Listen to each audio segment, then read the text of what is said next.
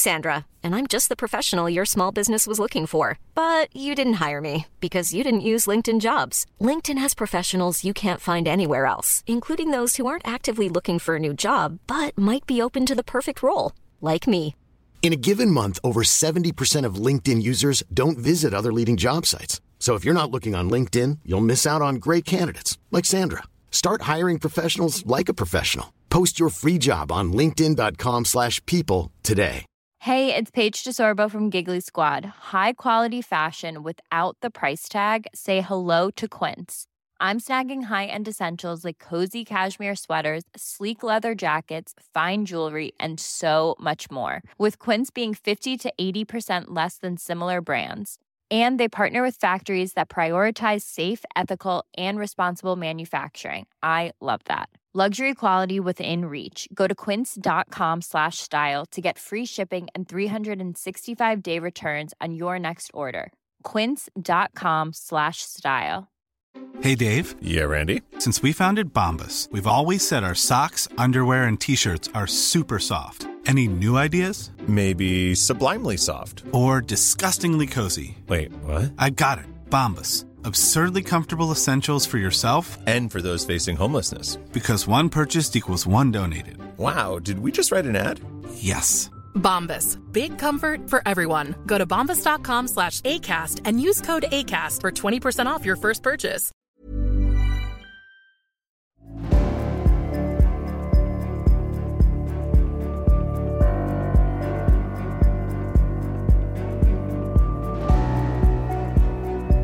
Du lyssnar på podcasten Samtal, en podcast med fokus på fria samtal. Den här podcasten presenteras av tidningen Bulletin. Om du vill få tillgång till samtal sju dagar före alla andra så kan du gå in på www.bulletin.nu och bli prenumerant. Då får du också ta del av hela Bulletins premiumutbud. Kom ihåg att Bulletin också finns som app till både iOS och Android. Länkar hittar du i beskrivningen till det här avsnittet eller på min hemsida www.samtal.ax. Jag släpper nya samtal alla onsdagar året runt och jag tar tacksamt emot tips ifall det finns någon du vill höra i podden. Idén bakom podden är att fokusera på fria samtal. Jag tror att öppenhet är grunden för det demokratiska samtalet och jag vill uppmuntra dig som lyssnar att exponera dig för samtal med någon du inte håller med. Jag heter Jannik Svensson och du lyssnar på podcasten Samtal. Johan Pensar är skärgårdsbo, lantbrukare och småföretagare. För några år sedan lämnade han och hans fru Stockholm för Roslagens skärgård. Målet var att utveckla en skärgårdsby, någonting som på grund av offentlig sektor och byråkrati visade sig vara svårare än han trott. Välkommen till podcasten Samtal, Johan Pensar. Tack så hemskt mycket Jannik. Kul att få vara med på samtal eh, över länk så här. Så det ser jag verkligen fram emot. Ja, alltså tekniskt sett så skulle vi ju kunna ha gjort det här um, face to face eftersom jag ganska ofta kör genom Roslagen. Du vet Ålandsfärjorna går ju Ja, eh, från, från kusten där. Men, men jag hoppas att jag får möjlighet att svänga förbi eh, nästa gång jag kör till Åland. Varmt välkommen att hälsa på. Det är ju en superfin eh, del av skärgården som förr i tiden hängde ju Åland och Åbo, hela den skärgården ihop. Så det är ju verkligen busnära. Eh, så det går ju både till Kapellskär och till Eckerölinjen som kört från Grisslehamn tror jag det är. Så det är ju väldigt mycket, mycket trafik. Så varmt välkommen att hälsa på. Så tar vi en kopp kaffe och eh, snackar lite skit helt enkelt. Ja, då, då måste jag ju fråga det absolut viktigaste. Har du hästar? Vi har två nordsvenskar som vi skaffade för två år sedan drygt. Och sen fick vi här till sommaren så kom Penny Pony från Skansen och anslut som är en liten shetlandsponny. Så det är tre hästar som lussar runt här och du är varmt välkommen att testa en ridtur med de här för de är rätt roliga. Mm, då kommer jag och hälsa på dina hästar. Eh, så, så kanske vi kan hälsa också. Eh, det var Rickard Axdorff som absolut ville att jag skulle ha med dig i den här podden. Han är ju en kämpe för landsbygden och um, vad jag förstår så är du också en, en kämpe för landsbygden, men en annan del av landsbygden, det vill säga skärgården. Berätta lite, hur hamnade du i skärgården? Ja, men det där är eh, kul av Rickard för det första. Eh, nej, men det, det, var mer en slump att vi landade här. Både jag och min fru vi letade efter en gård drygt en timme från eh, Stockholm för att testa på det. Det slutade väldigt ofta med att vi eh, begav oss iväg från Nacka eller Stockholm då och begav oss ut i skärgården eller åkte iväg. Och så sa vi, men vänta lite, för både min fru och jag har haft, vi har ju tidigare haft fritidshus och liknande här i skärgården och i Roslagen. Så sa vi, men vänta, vad händer om man stannar kvar på söndagen och inte åker hem? Vad händer om man testar att köra en gård här? Och så började vi leta efter det och det är ju rätt svårt i dagen.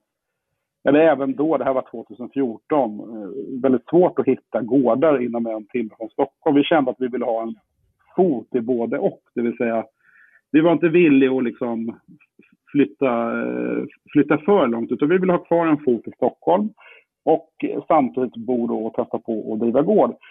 Och av en slump så kom det ut ett objekt på Hemnet och det var marknadsfört som ett fritidshus med lata dagar på bryggan. Men det visade sig att det var ju en riktig gård, en sån gammal skärgårdshemman från 1600-talet med 57 hektar mark och fiske och jakt och de här bitarna. Så det var ju precis det vi letade efter. Eh, så gav vi oss ut och sen så ledde det ena till det andra att vi slog till på det. Och vi hade liksom inte tänkt eller reflekterat. Alltså, vi hade väl gått i, hade väl gått i bilden att det är väl klart att Sverige som ett i-land, det är klart att saker och ting funkar i hela landet. Och, alltså sådana här saker som stabil el eller att man, att man kan ringa på telefonen, alltså ha tut i luren. Eh, de här baserna med vägar och grejer, vi, vi, hade ju liksom ingen aning vad, riktigt vad vi gav oss in på. Eller alla blanketter med Länsstyrelsen och sådana här saker och, och tillstånd för djurhållning och allt. Utan vi gav oss in i den biten och sen så upptäckte ju vi att väldigt mycket av det här fungerade inte. Det var väldigt svårt att få till utveckling och få göra någonting. Eh, och, och, då började vi sätta oss in i de här frågorna och tyckte att det ena var ju mer absurt än det andra. Och, och, och så har det väckt ett, ett intresse liksom för att, alltså det är självklart i vår värld att man ska kunna bo och verka i hela landet och driva företag, att det ska fungera året om. Men, men eh, där finns det liksom tydliga eh, målkonflikter lustigt nog. Som, som vi har lärt oss då över tid och så har vi det har lett liksom till en motreaktion då till att ta fram en hel skärgårdsby och, och verkligen få ett lokalsamhälle att fungera. Och hade ni någon erfarenhet av lantbruk innan? Eh, vi hade exakt noll kan jag säga. Eh, jag upptäckte att det här med kraftaxel till traktor fick jag lära mig tidigt. Det hade jag ingen aning om. Så vi hade ju ingen erfarenhet av varken djurhållning eller lantbruk eller någonting utan glada amatör, amatörer med mycket, mycket envishet och mycket vilja. Eh, och sa liksom, att vi utvärderar det här, ser hur det är. Och så upptäckte vi att det finns ju otroligt mycket fina bitar med lantbruk och särskilt skärgårdslantbruk är ju väldigt speciellt. Så vi, vi, eh, ja, vi fann varandra där eh, och upptäckte att det var ju himla kul det här. Var ni praktiskt lagda då? Alltså jag, jag, tror, många tror att det är jag, för det är alltid mannen som ska vara så praktisk och mecka och doma. Men, men det är faktiskt tvärtom i den här familjen. Det är ju Anna som är mekaniken och den praktiska och jag, jag, jag är väl mera byråkraten tror jag i, i det hela. Så, så, inte helt praktiska, men man lär sig väldigt mycket och man upptäcker ju saker som man kanske trodde att man inte kunde tidigare eller, eller liknande. Men helt plötsligt så, så, står man där och lär sig för att man tvingas till att lära sig. Mm. Ja, det har jag märkt det här med att lära sig nya saker. När, när corona kom så eh, flydde jag ner till eh, svenska landsbygden nere i Småland och då bodde jag ensam i ett hus. Och, och det, man, det jag fick lära mig av att bo ensam i ett hus är att saker går sönder. Eh, mm. och då kunde jag ta upp eh, Facebook Messenger och ringa till min kompis Hadnes Jonas, för han är, han är bonde. Mm. Och du vet, bönder de kan ju allting. Mm. Eh, och, och det var liksom det var så en hydrofor som gick sönder. Mm, eh, mm, mm, och då bara kunde mm. han berätta hur jag skulle göra för att fixa den. Lukta och, den och... och mm, exakt, vet alla sådana grejer. Så, så att eh, jag har lärt mig av, av att umgås eh, med honom har jag lärt mig allt möjligt. Alltså laga eh, saker på bilar som går sönder och så vidare. och så vidare. Det... Ja, det, det är precis samma erfarenhet vi har. Liksom. Vad är en hydrofor för någonting? Jaha, det är den som håller vattnet. Jaha, man måste underhålla den och göra det här. Då. Eller, eller vi brukar säga så här på skämt, liksom, att människan är ju väldigt förändlig. Vi, vi, vi anpassar oss enormt snabbt egentligen. Vi, vi, hade då i början av de första åren så eh, gick vi på isen och hade isränna som man körde då, körde spark då på isen höll på. Och vi sa det liksom, första gången känns det ganska onaturligt att knata ut på, på isar och gå över ett kort litet sund. Eh, andra gången så tycker man, ja men det här, det här är ju okej. Okay. Och tredje, fjärde gången så händer en olycka eller någonting. Men sen så är det naturligt. Så tre veckor senare så är det ju som att det här har man ju alltid gjort och det är ju supernaturligt. Så det, det visar ju på hur människan är väldigt förändlig och vi anpassar oss ganska snabbt eh, i saker och ting. Och att det är kul att lära sig nya saker även om det är lite jobbigt ibland. Så mm. precis, precis samma erfarenhet. Och, jag vet, sånt man inte tänker på när man bor kanske i lägenhet i stan eller hus i någon förort eller något. Att det mesta är ju serverat och fungerar. Man behöver inte hålla på och engagera sig hur, hur bussen går eller att det finns vatten i kranen. Och liksom, ja, sätter man på lampan så kommer det oftast el där. Alltså det, det, är ju, det är ju basgrejer som bara levererar. Det beror på var i Sverige man bor på om det kommer el ja, men så är det ju verkligen. Så vi har ju verkligen fått och det, det, är väl så mycket i landsbygden. Så vi, vi, har ju trott så här, i början trodde vi att vi var helt ensamma med de här problemen med att ambulans kommer inte fram. Det här är ju fortfarande Stockholmsregionen. Eh, men så, ju mer man liksom lyfter på det locket så inser man att nej, det här, så här ser det ut i Sveriges hela landsbygd och glesbygder. Och det är ganska liknande problem man har. Eh, så, så det var ju verkligen en upptäckt vi gjorde. Och, och då också så här, jaha, men hur kan man få göra någonting åt det så att man får, får de här bitarna att fungera? Mm. Och sen vill ni frälsa andra människor på skärgårdslivet. Men då kom offentliga sektorn, jag tänkte säga staten, men kommunen, det är väl samma institution, bara det är lite mindre, mindre nivå.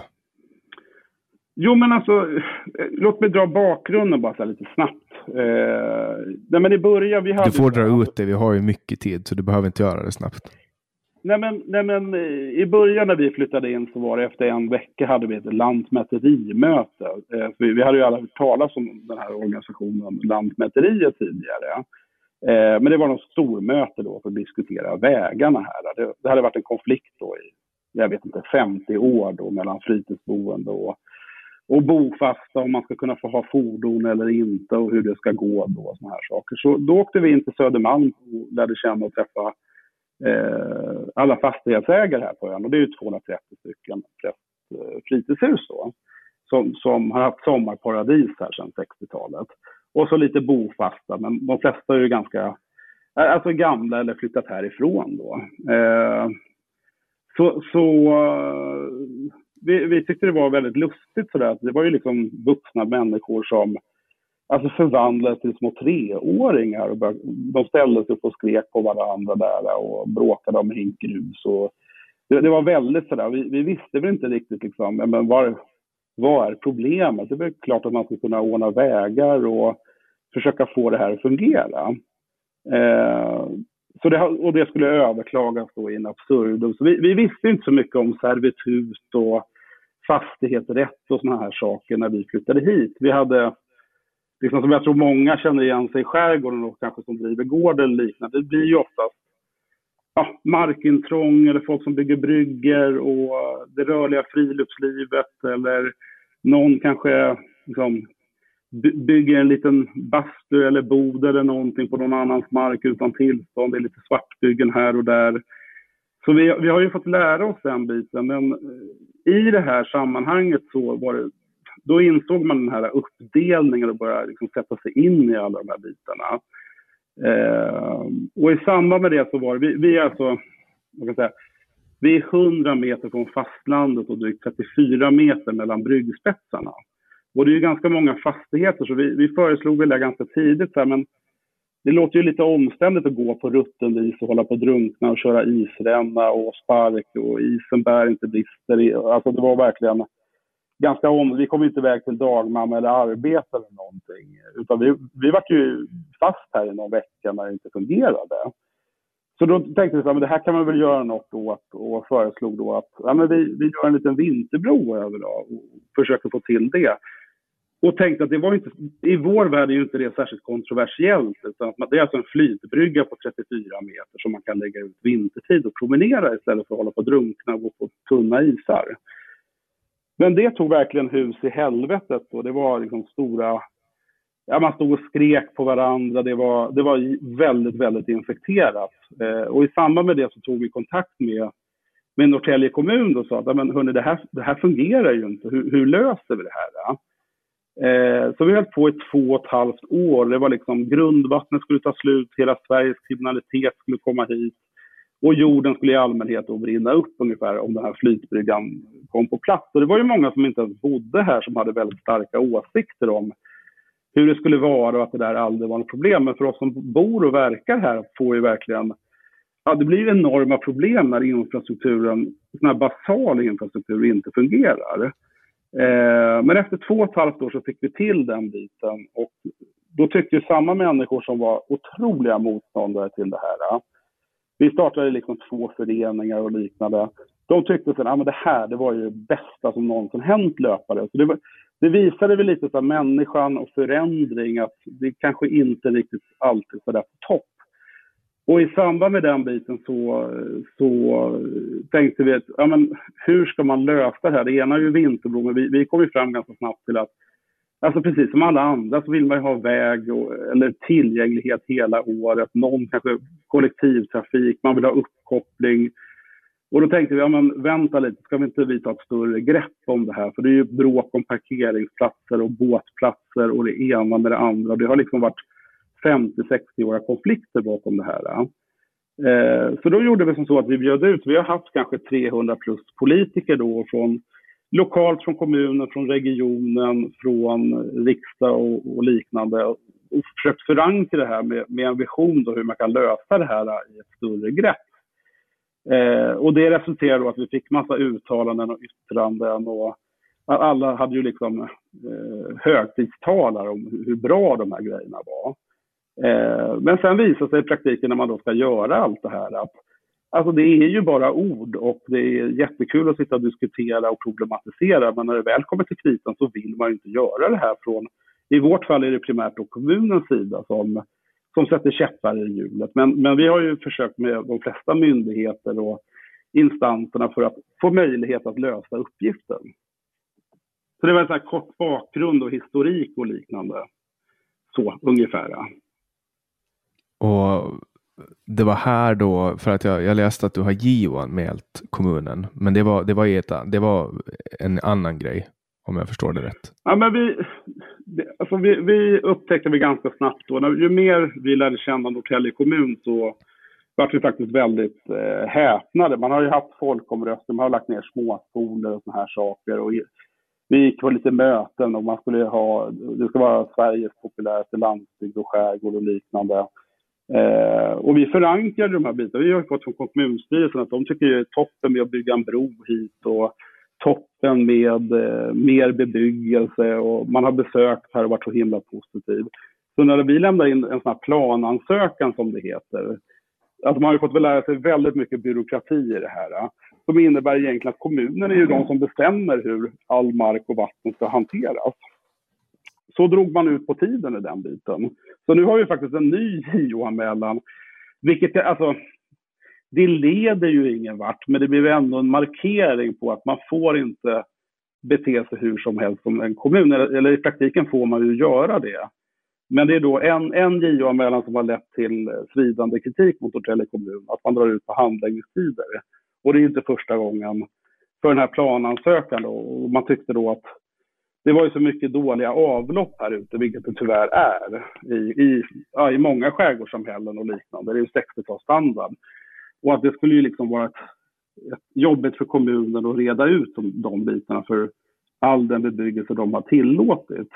Och, och det gav man då anledning till oss att vi inte får göra någonting. Och det tog en jäkla lång tid och massa yttranden och liknande. Och nu har vi en liknande situation när man gör det för tre bygglov vi har lämnat in. Och det finns ju då att man ska göra det inom fyra månader eller jag tror bygglov är 10 plus 10 veckor och bygganmälan för en gård är 4, 4 plus 4 veckor. Så det är sådana här äh, generella tider som man, man har i PBL och liknande. Eh, så det är väl sånt vi har fått lära oss. Så det stämmer att vi, vi har skickat in två JO-anmälan varav en då har lett till svidande kritik. Men det är liksom inte, de är, det är inget tvunget att de måste åtgärda någonting om, om JO, alltså justitieombudsmannen då påpekar någonting? Utan det är bara riktlinjer eller? Nej, men det blir väl mera, alltså jag, jag, tror det vi har upptäckt när det kommer till alltså den här kommunen och Region Stockholm och i Sverige generellt är att alla myndigheter och domstolar och liknande förutsätter ju att ja, kommuner, de är jätteduktiga på det de gör. Och de gör ju aldrig fel och alla förväntar sig att det där fungerar. Men vad händer när det inte fungerar? Och då får ju inte det några konsekvenser överhuvudtaget. Och det innebär ju i princip att myndigheter och offentlig sektor, kommuner och politiker, de kan ju göra i princip vad som helst eh, utan att det får några konsekvenser. Och det finns ju heller ingen tjänstemannaansvar. Det är väl också en annan aspekt i det hela. Nej, men det finns ju inget politiskt ansvar heller, utan de duckar ju bara alla frågor. Och eh, tjänstemännen, alltså jag tror i, i, i Norrtälje kommun, då är det att det är politiker, alltså lo, lokala förmågor och starka män som styr. Eh, och så går tjänstemännen deras ärenden och gör som de säger, även då om det bryter mot lagen eller liknande. Eh, så det är liksom dubbel problematik i det här. Och det har ju inga konsekvenser. Det vill säga, det är ju bara vi som enskilda som blir lidande av de här bitarna. Det kommer ju aldrig, det kommer ju aldrig politiker eller tjänstemän behöva ta något ansvar för. Mm. Så vi har en situation då med, det är egentligen, ja, att Norrtälje har mest fritidshus i, i hela Sverige och vi har en situation där, ja, men, som vi beskriver som negativ särbehandling, det vill säga man behandlar andra ärenden på den här ön eh, med bygglov och reningsverk och avsaltningsanläggningar och liknande. Men just när det kommer till oss, nej men då, då ska man liksom inte handlägga dem eller bara säga nej till allting. Och det blir ju lite trist. Vad tror du att det har att göra med då? Nej, men vi, vi har ju valt, vi, det kan man väl alltid dividera om, men vi har väl valt en transparent linje. Det vill säga vi, vi verkar inte det dolda utan berättar faktiskt, det här vill vi göra för vi tycker att det är en bra grej att göra och eh, så har vi tagit hit de här politikerna och kommundirektörerna och allt vad det är och haft en aktiv dialog. Och sen när de bryter löftena så skäms väl de lite över de bitarna och tycker det är jobbigt. Och sen ska jag säga att mitt i det, vi har hållit på nästan sex år med det här uh, byråkratin och de här samtalen och träffarna. Då, då gick topplocket på mig och jag sunade till på de här bitarna. Uh, så det har väl liksom inte förbättrat uh, kommunikationen i det här. Och, och det ni vill utveckla, kan du berätta lite om det? Om idén? Ja, men Ja, men i vårt det är då 230 fastigheter som är, som är ett omvandlingsområde redan idag. Det vill säga, det, de flesta är deltidsboende, många flyttar ut och bor här permanent, men de är inte, de är inte skrivna här. Och det, det är ju glädjande, det är ju många som är kanske pensionärer eller liknande som flyttar hit och, och bosätter sig här. Men vad vi såg när vi tittade på demografi och liknande var att ja, men, vi, måste, vi måste ju få in en föryngring, det vill säga barnfamiljer och det passar ganska bra i den här målgruppen, det vill säga de som kanske har gjort en bra affär med lägenheter eller har någon villa, har, har det gott ställt absolut. Eh, försöka attrahera dem och, och liksom designa upp eh, det livet som, som, vi själva träffar på i och med att vi är, typ, vi är en av, jag tror det är fyra barnfamiljer i Norrtäljes skärgård som bor på öarna. Och vi är en av 15 djurhållare i hela Stockholms skärgård. Så vi har ju försökt att anpassa liksom, den här skärgårdsbyn då, som är 27 villor för ett liv som vi själva skulle vilja ha med lite så här äh, kontor, eh, att man ska kunna gå iväg till någon kanske restaurang eller skärgårdskrog, att det finns bageri, man kan sitta där och jobba, eh, kunna ansluta till skärgårdstrafik så att det finns kollektivtrafik, att det ordnas med, med vatten och avlopp, fiber, infrastruktur, väg. Vi tror även på en vägfärja eller en, en, faktiskt en bro över har vi föreslagit att vi kan hjälpa till att finansiera då, så att man får tillgänglighet. Och, och sen kan man liksom, när det kommer till klimat och hållbarhet, ja men vi ordnar att det finns laddstolpar på alla de här tomterna och att det finns liksom färdigt med fiber och allting är ordnat med den biten. Så slipper folk hålla på och trassla med de grejerna.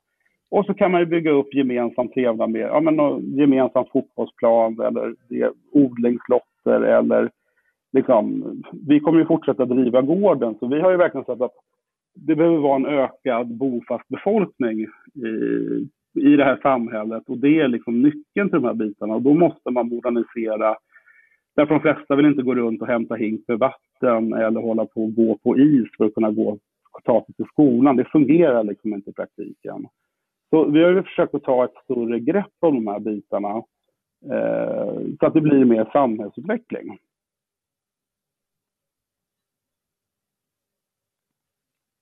Förstår.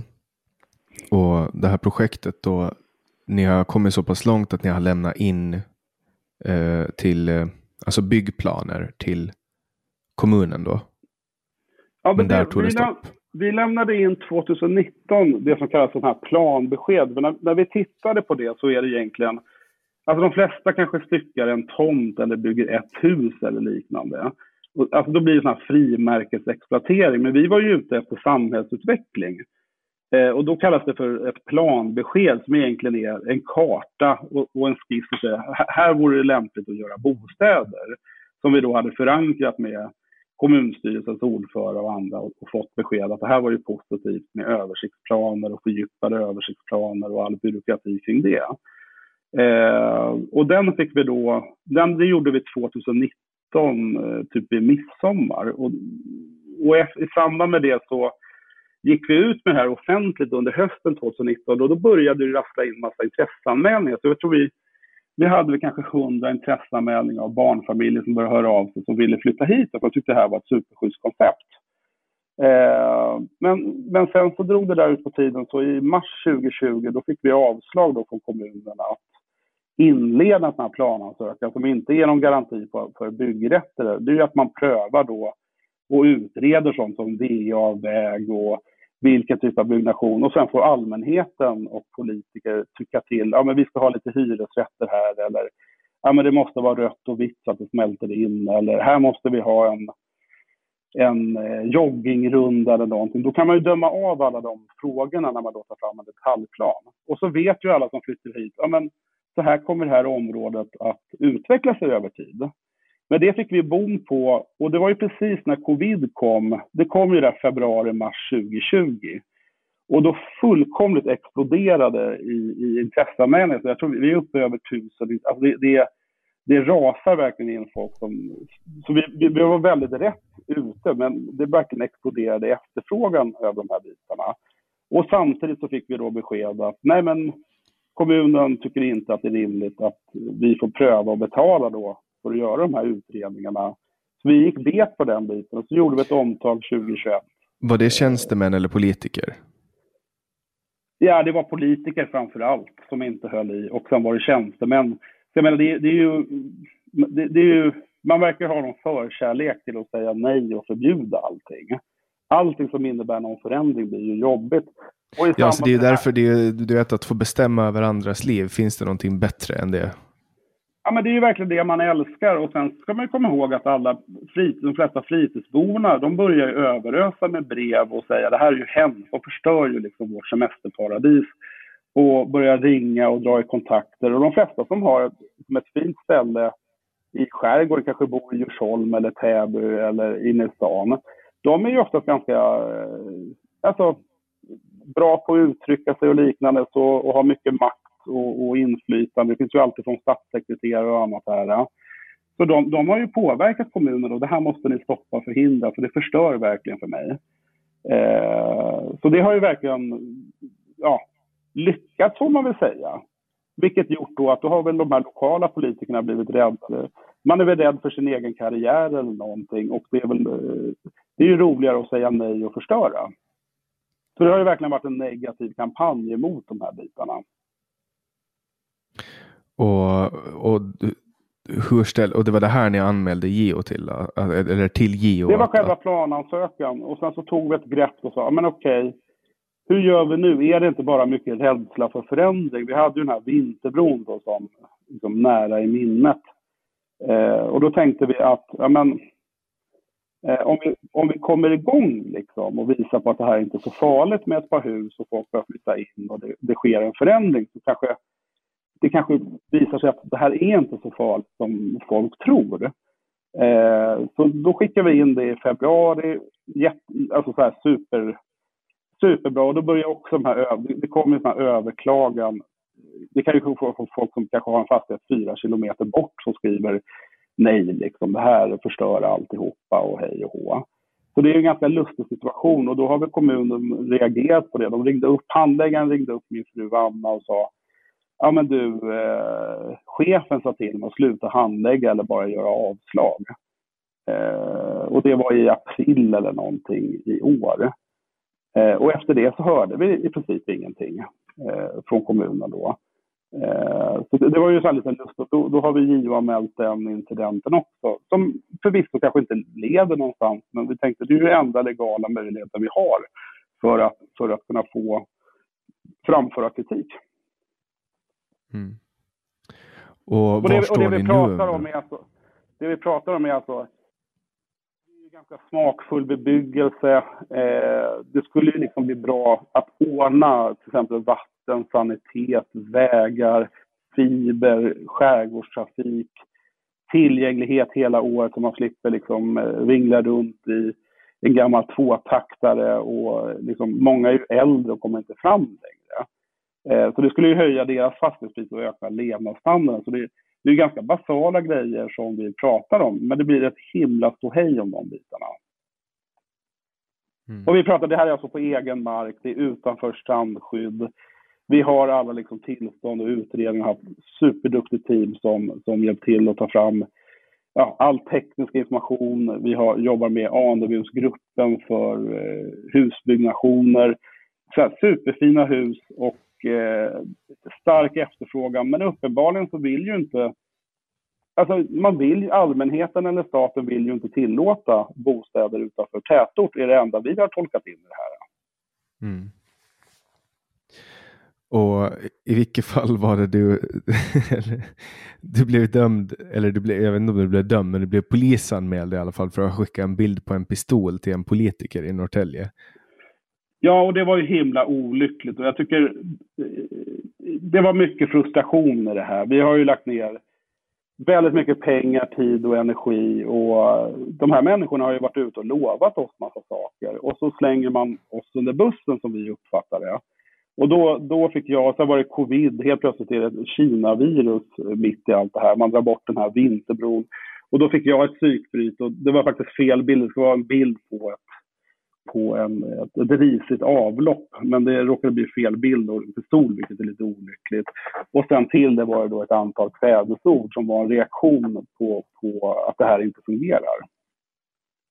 Blev du, blev så den, och den ska prövas här till hösten. Det finns ingen det finns ingen dom eller någonting, men det var samma dag efter så skrev jag ursäkta, förlåt. Liksom. Det är bara så himla mycket frustration det här när när det är så många som jobbar så aktivt för att förstöra för de här bitarna så var det en reaktion på den biten och då får man be om ursäkt och gå vidare.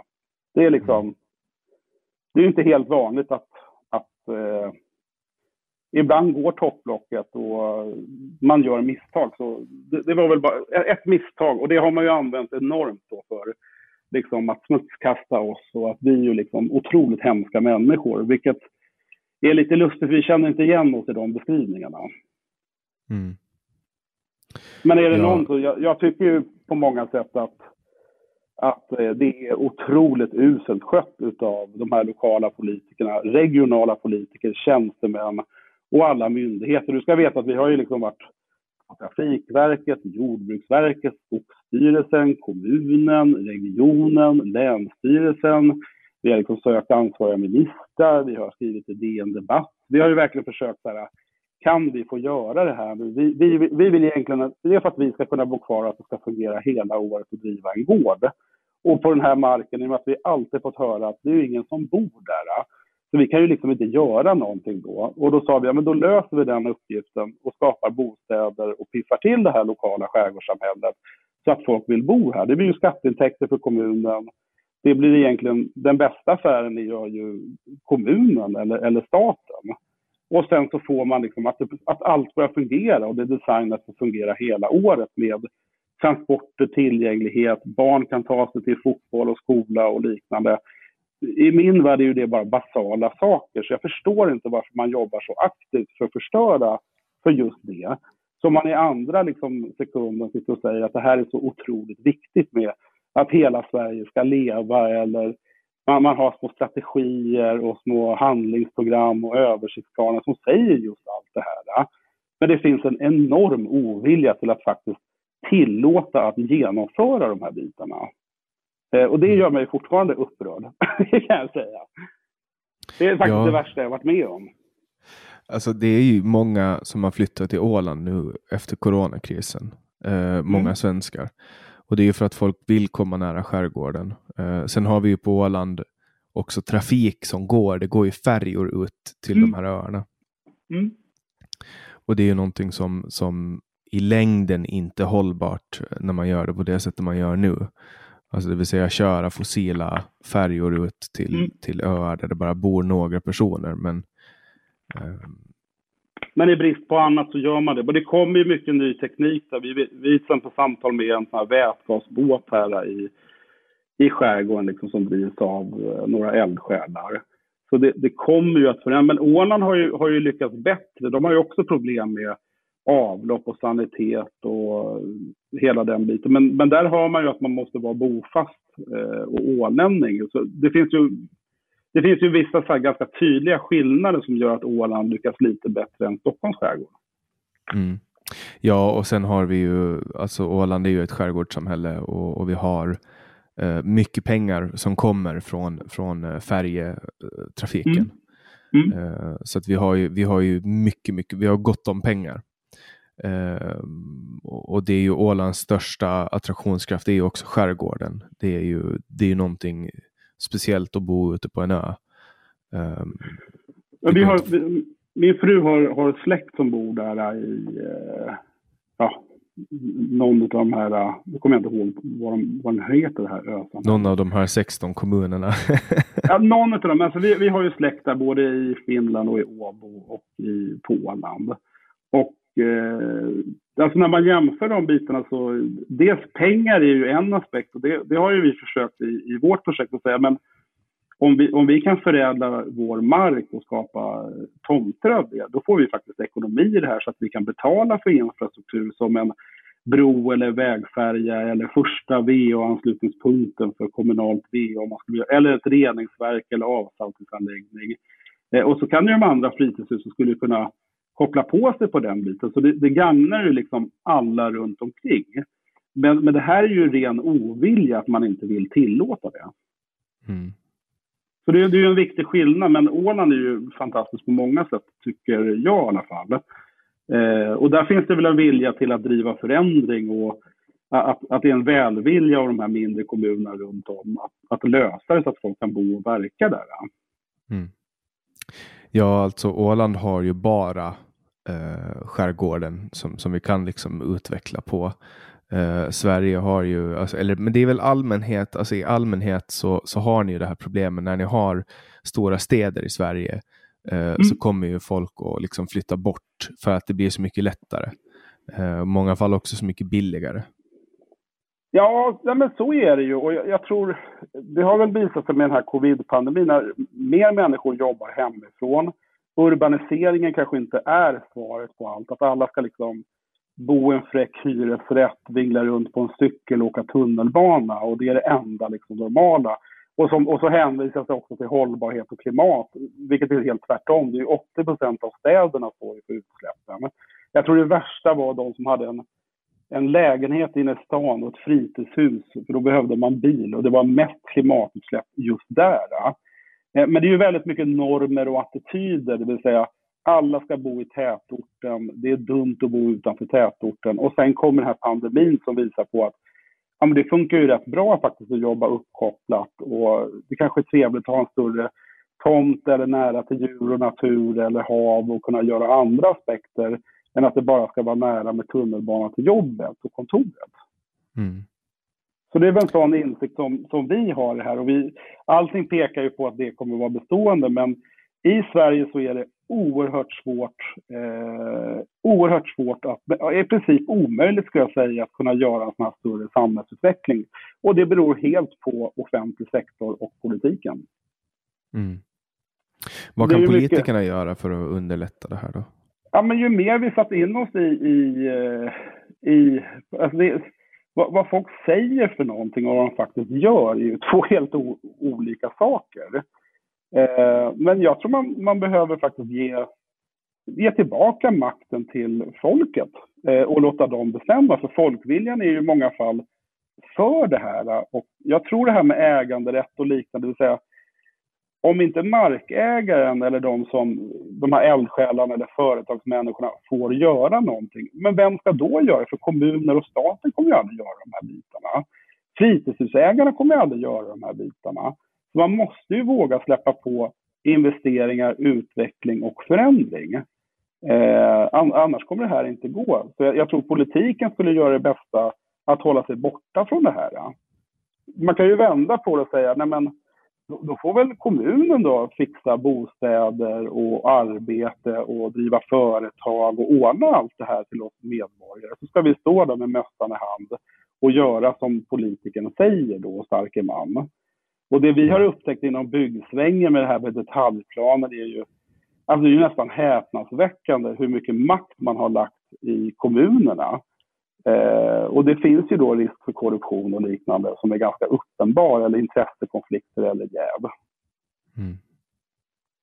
Så jag tror för vår del som kommer, i och med att både jag och min fru, liksom, vi är klassade som nollåttor och sen kommer man till Roslagen där man, alltså egentligen är man ju bara någon efter sju generationer och så kommer någon utifrån och ska tro att de är någonting och ska skapa förändring. Eh, och det leder ju till liksom, väldigt kraftfulla reaktioner. Mm. Men om man tittar på sakfrågan, liksom, vad är det vi vill göra för någonting? Är det så farligt med tillgänglighet hela året eller tillåta elektrifiering eller tillåta utveckling och investeringar och lösa de här sakerna? Eh, jag tycker man mer ska titta på sakfrågorna än att det hela tiden... Alltså, många av de här lokala förmågorna tror jag de är nästan nervösa och tror att men, oj, ska den här personen själv ge sig in i politiken? Ska jag konkurrera med den? Och, och så ska vi sitta och bråka om någon konstig lista och alla får springa runt och smöra för varandra. Vi är ju egentligen bara intresserade som entreprenöriellt av ett resultat och leverera ett värde. Och det verkar ju vara någonting som politiker eller tjänstemän inte jobbar med längre i Sverige. Nu är jag väldigt kritisk, men, men jag tycker det finns fog för det. Nej men det, och jag kan inte annat än hålla med. Jag vet ju att, att det du säger är sant. Um, man, man vill ju inte liksom uh, vara till tjänst för dem ute på landet därför att de som sitter, och jag, det, det har antagligen att göra med att de som sitter och bestämmer kommer från stan och de bor i stan. De bor i Stockholm. Ja, och, sen, och deras koppling till, till vischan, det är ju fritidshuset. Mm. Och där ska man åka ut för att bestämma och, och man ska liksom ja, men sitta och elda på klippor eller såga ner lite träd och göra vad man vill ungefär. Alltså man är ju verkligen... Eh, man har en väldigt konstig syn. Jag, jag är eh, faktiskt väldigt besviken på den biten. Eh, att man liksom inte respekterar att det ska fungera för andra människor. Utan man, man är väldigt egoistisk, ser bara till sitt egna och gärna liksom, gratisätande i den biten. Eh, det vill säga man, man har inget problem Låt mig ge ett exempel. Liksom. Vi, vi sålde en tomt, jag tror det var 2018 eller någonting, och så byggde de ett hus där. Jättefint, eh, superbra. Eh, och nu börjar ju de överklaga, för nu har ju de fått sitt och då vill ju inte de att någon annan ska få någonting och ingenting får hända i närheten av dem. Mm. Så det är ju sånt man tampar med och sen den här urbana normen. Ja, men det är ju inte så att man ringer kommunen och säger hej, vi, vi skulle vilja förbättra infrastrukturen och göra att man kan bo och verka så att kommunen får skatteintäkter. Och vi, vill hjälpa, vi vill hjälpa till och bidra. Det är inte så att man gör stående ovationer utan de börjar ju genast problematisera och finns en fel. Det är inte så att man ringer Trafikverket och säger du, vi, vi skulle vilja bygga en väg här för att få det att fungera. Ja, men det är ju så att de slänger på luren ungefär och tycker att det där är det hemskaste man kan säga till oss. Eller regionen säger, men hörni, ska vi kunna ordna en ångbåtsbrygga här så att eh, skärgårdstrafiken kommer? Nej men usch liksom, ska, då måste vi göra någonting. Och, och egentligen är ju det deras kärnverksamhet. Eh, jag tycker att det är väldigt konstigt att deras reaktioner är så... Eh, att man agerar med rädsla och feghet rakt igenom. Mm. Nej men alltså, så blir det ju ofta. Det var som jag sa, det här, att de, det här är ju folk som bor eh, inne i stan. Som, mm. som ska bestämma det här. Men, men, jo, men, det, hur... men det man bestämmer, alltså man kan ju prata om det utifrån ett om man pratar om demokrati, vi har ju faktiskt grundlagar, rättigheter och, och skyldigheter. Vi betalar ju tyvärr också skatt och behöver förhålla oss till alla lagar och regler. Eh, jag tror en lantbrukare idag har ett betydligt jävligare liv än en, någon som bor i Solna eller liknande och driver en firma. Man kan ju ta det här ur fritt näringsliv, att det ska vara lika spelregler eh, i de här bitarna. Men det är väldigt lustigt med de här normer och attityder, det vill säga eh, ska någon annan bestämma att våra barn inte ska komma till skolan för vi förnärmar deras livsstil om det börjar fungera här och de, de kan själva de ska ju liksom hålla på att drunkna varje gång. Man har någon romantisering, något Skansen-liknande, att det ska vara på ett speciellt sätt och, och, där ska man ju bara vara på sommaren. Och det man glömmer bort då är till exempel på, jag tror 1700-talet, då var det ju fler invånare här på Löpare än Mariehamn på Åland. Så det här har ju varit livskraftiga samhällen med affärer nära till skolor och folk som har liksom varit jättedriftiga. Vi har ju haft gamla vikingaskepp som man har hittat här. Och, så det har ju bott och verkat folk här hela året och de har ju hävdat markerna, eh, haft djur, jagat, fiskat eh, och levt nära hav och djur och natur och liksom i symbios med den biten. Men sen 60-talet och urbanisering och fritidshus då har, då har hela det här skiftet blivit något helt annat. Men det är ju en ganska liten tidsperiod i det stora hela menar vi.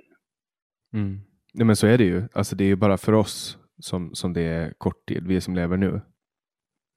Ja, men som är, och jag, jag tror, det, det, känns ju också som att det är en förändring på gång, det vill säga den här, det är väl många som längtar ut till landet, men att många funderar på, men vänta, jag kanske ska bosätta mig där. Och vi pratar ju inte några Alltså i vårt fall så tar det ungefär 50 minuter så är vi vid Roslagstull. Det är en timme till Arlanda. Det är liksom en kvart till Norrtälje. Det finns skolor. Vi har fem kilometer till en ICA-butik. Vi har, det finns vårdcentral och liksom allt det där finns. Det finns en bensinmack, så vi är ju inte Norrlands inland. Men jag menar då att men, kan man inte lösa det här när det verkligen är superstark efterfrågan, det finns en ekonomi i det och den, liksom, det här är enkelt att jacka in i. Eh, och kan man inte lösa de här utmaningarna, hur ska man då lösa det uppe i Norrland? Mm. Ja, eh, hur är det ni lever nu? Eh, vad jobbar ni med och liksom vad? Ja, men min, min fru Anna jobbar på en, eh, hon jobbar som ansvarig för eh, ja, ett stort tyskt bilmärke och sköter deras eh, varumärke och, och, digitala plattform för en digitalbyrå. Så hon sitter och jobbar där som projektledare och kundansvarig och håller ett team på 25 pers. Jag jobbar med lite så små strategiuppdrag och sen har jag lagt ja, men, säkert 8-9 000 timmar på, på eh, all den här byråkratin. Men vi tittar väl och ser över den biten i och med att det finns en sån stor ovilja till den här förändringen. Men jag är ju van, jag har jobbat med företagande i runt om i världen drivit tech-startups och konsultbolag och massa annat. Så vi, vi, kan ju verkligen välja. Och så driver vi vårt lilla lantbruk idag som består av vad är det, 48 gutefår och lite hästar och höns och vacklar. Men det är ju mer en livsstilsprojekt. Det är ju inte så att vi kommer bli en stor matproducent eller någonting. Men vi tycker att det är en superbra hållbar livsstil. Vi tycker att fler barnfamiljer borde växa upp i den här typen av miljöer. Och vi ser ju hur bra våra barn själva mår i den här typen av miljö.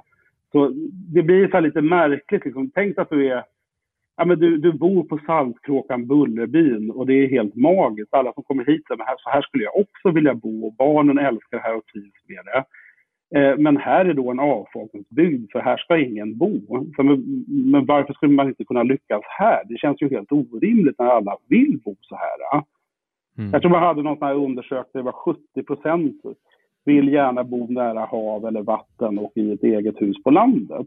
Men det är klart, om man förbjuder det via politiker och offentlig sektor, ja då är det ju omöjligt.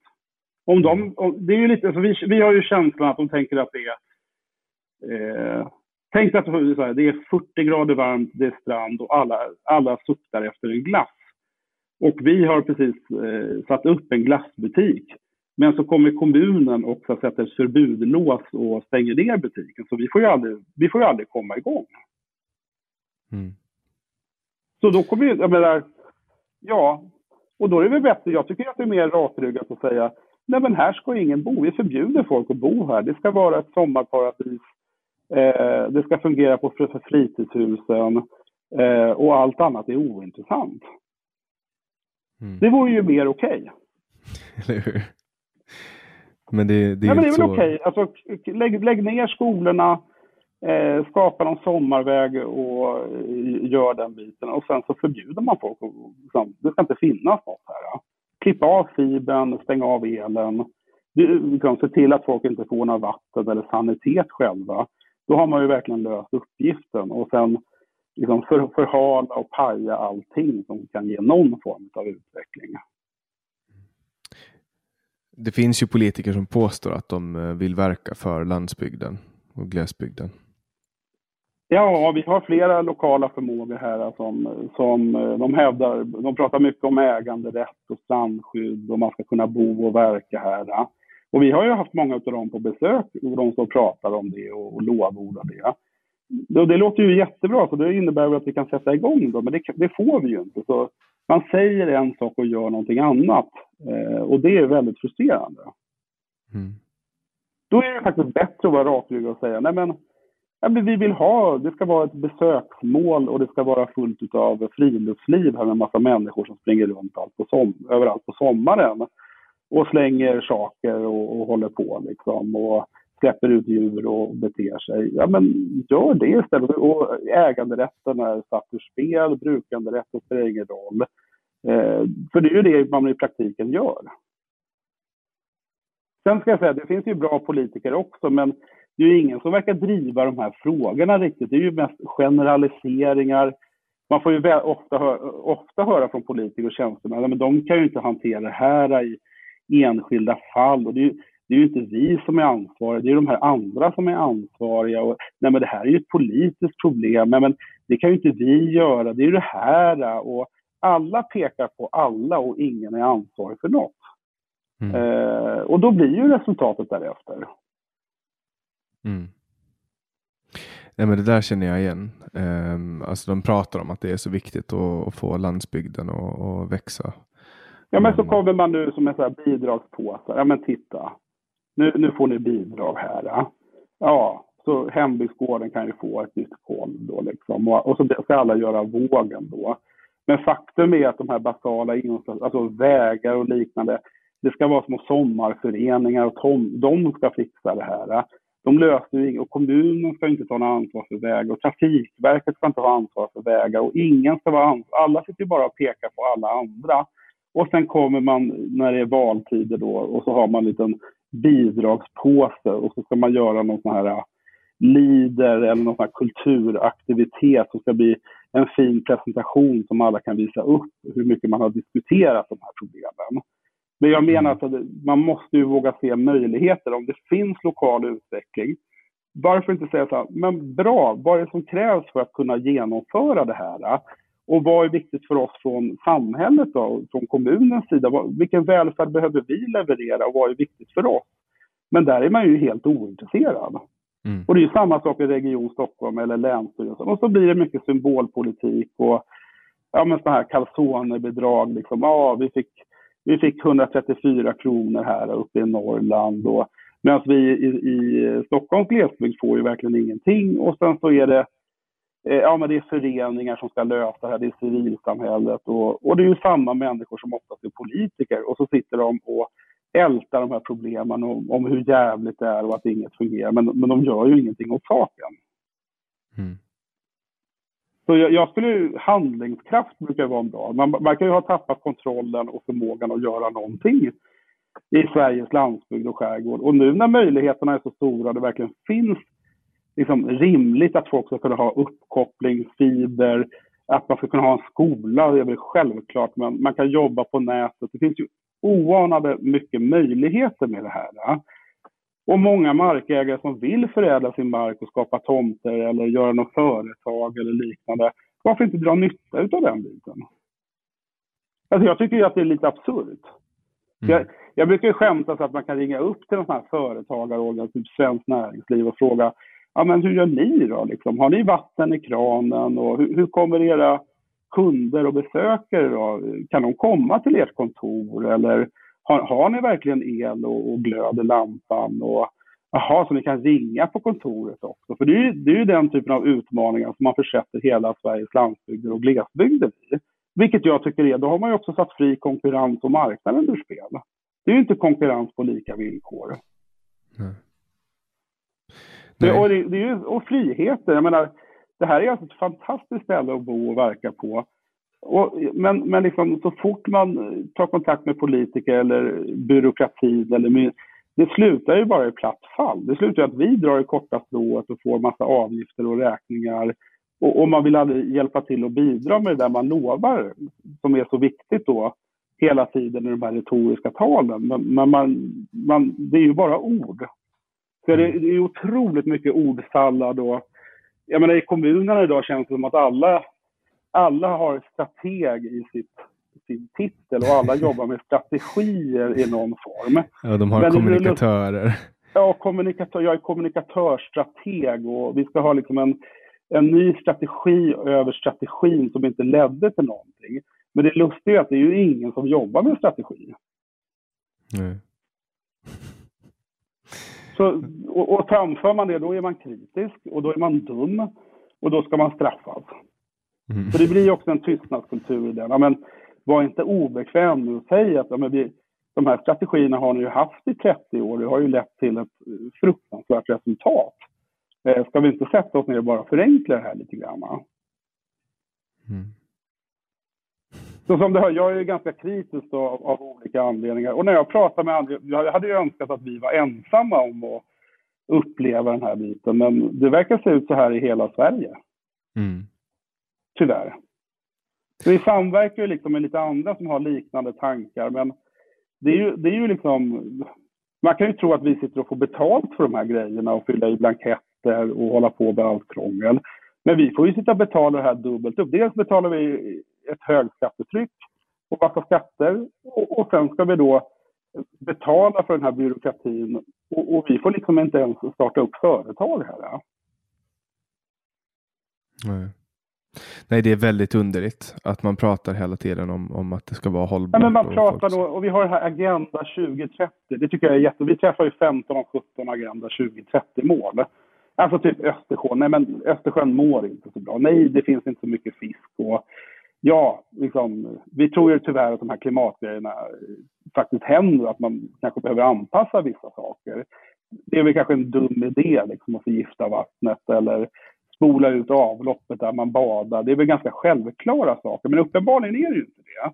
Men det är ju åtta år kvar nu av det här Agenda 2030 och man orkar ju inte ta tag i de här målkonflikterna som finns i allt. För jo, det kostar någonting om man behöver liksom, om man inte kan släppa ut skiten var som helst eller om man behöver ställa om. Det, det, kommer att kosta någonting.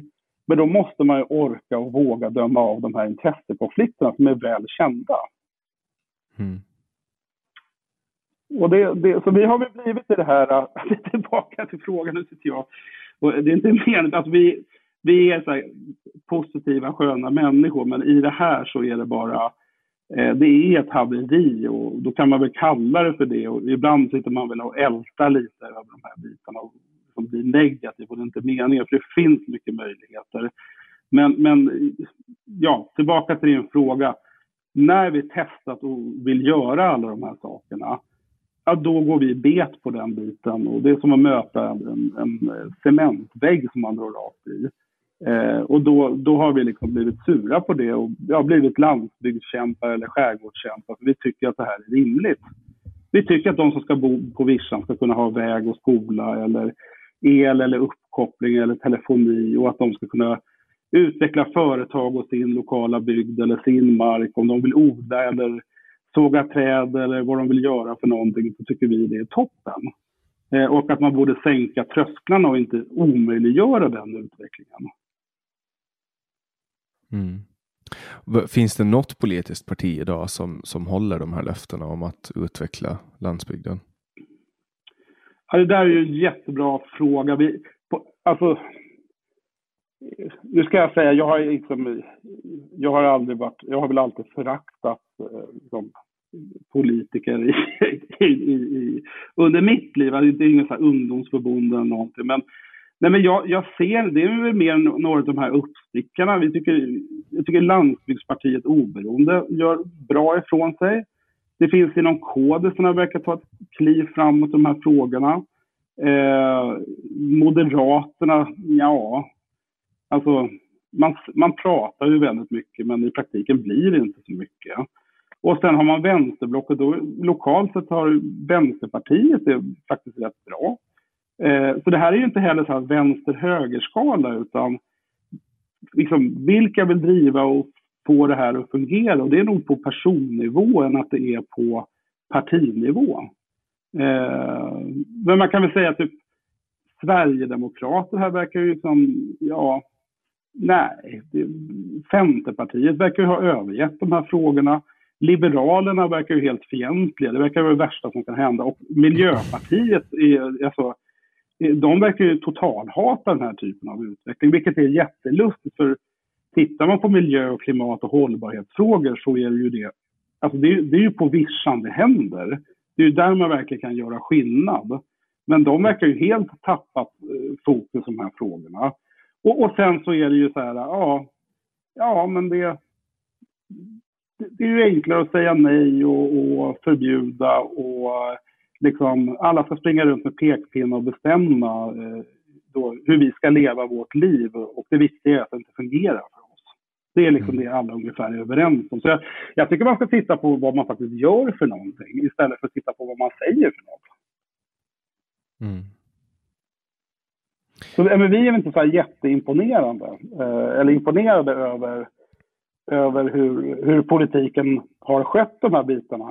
Eh, både då historiskt och, och i nutid. Sen, sen, kanske det blir en förändring, men det är ju otroligt trögt. Och jag tror för många som är mer entreprenörer eller gillar att driva förändring, då, då vill man inte ha massa sådana här pekpinnar och bli bakbunden i allting och att det ska sitta någon liksom, eh, äldre herre eller tant som har, har blivit någon sån här lokal maktpamp och och springer på Rotary-möten som ska sitta och springa runt och bestämma över våra liv och vårt företag och vårt egendom. Så jag tycker man ska lägga över den makten tillbaka till de som faktiskt bor på vischan. Mm. Och jag tror också om man tittar på alla de här intressekonflikterna som vi har här.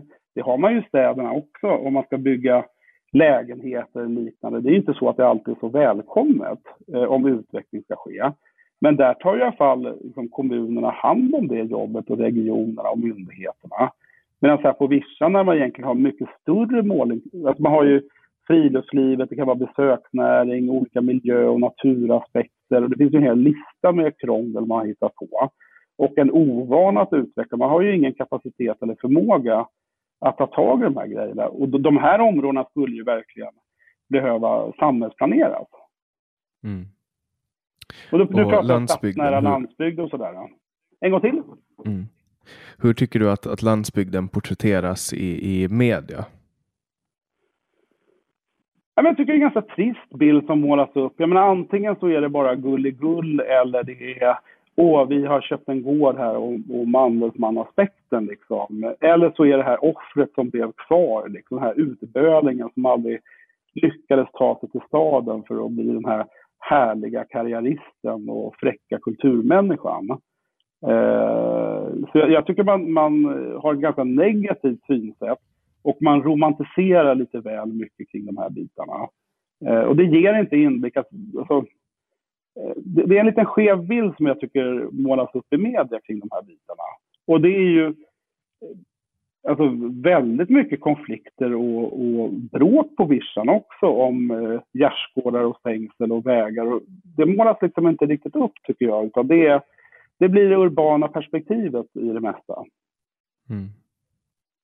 Och sen löser ni problem själva ute på landsbygden? Ja, om vi får. Nu får vi inte göra det längre. Nej, det är staten eh, som ska göra det primärt åt en. Nej, men det är staten som man ber staten om tillåtelse. Kan vi nu få fixa lite vatten här, eh, dricksvatten eller kan vi nu göra så att barnen kan komma till skolan tryggt och säkert? Nej, det får ni inte göra. Vi förbjuder att göra det och i andra sekunden säger man att det är det här vi ska jobba med. Så det är ju väldigt konstiga signaler man skickar. Mm. Finns det något slut på all den här idiotin som vi håller på att prata om här då? Med staten och deras inblandning i den enskilda individen. Ja, men det, tyvärr så, så verkar ju ingenting indikera utan det verkar väl vara att man vill ha ännu mer detaljstyrning och att, att det ska vara mer makt till staten och, och politiker och kommun. Eh, och, och, så ska de snubbla runt med de här frågorna. Då. Så det, det är ju väldigt, väldigt, lite tycker jag som indikerar de bitarna. Sen, sen ibland kommer någon ljusglimt som, som är bra och sådär. Men mycket indikerar ju på att ja, nej men det, ja, nej. Eh, företagande och frihet och eh, kunna bo och verka där man vill verkar ju i praktiken vara väldigt svårt att få, hem, få hända. Och det blir väldigt mycket detaljstyrning i allting. Hur, liksom, hur stolpen ska stå med fårstängslet och hur, hur, hur djuret ska gå ungefär. Det, det ska detaljstyras allting i, i, blanketter och kontroller och liknande. Så, och det, det roliga är också att det ska styras från EU-nivå.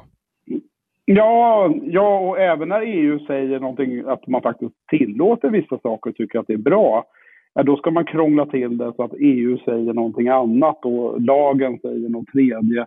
Så man verkar krångla till det och det verkar ju vara en allmän ovilja till det här.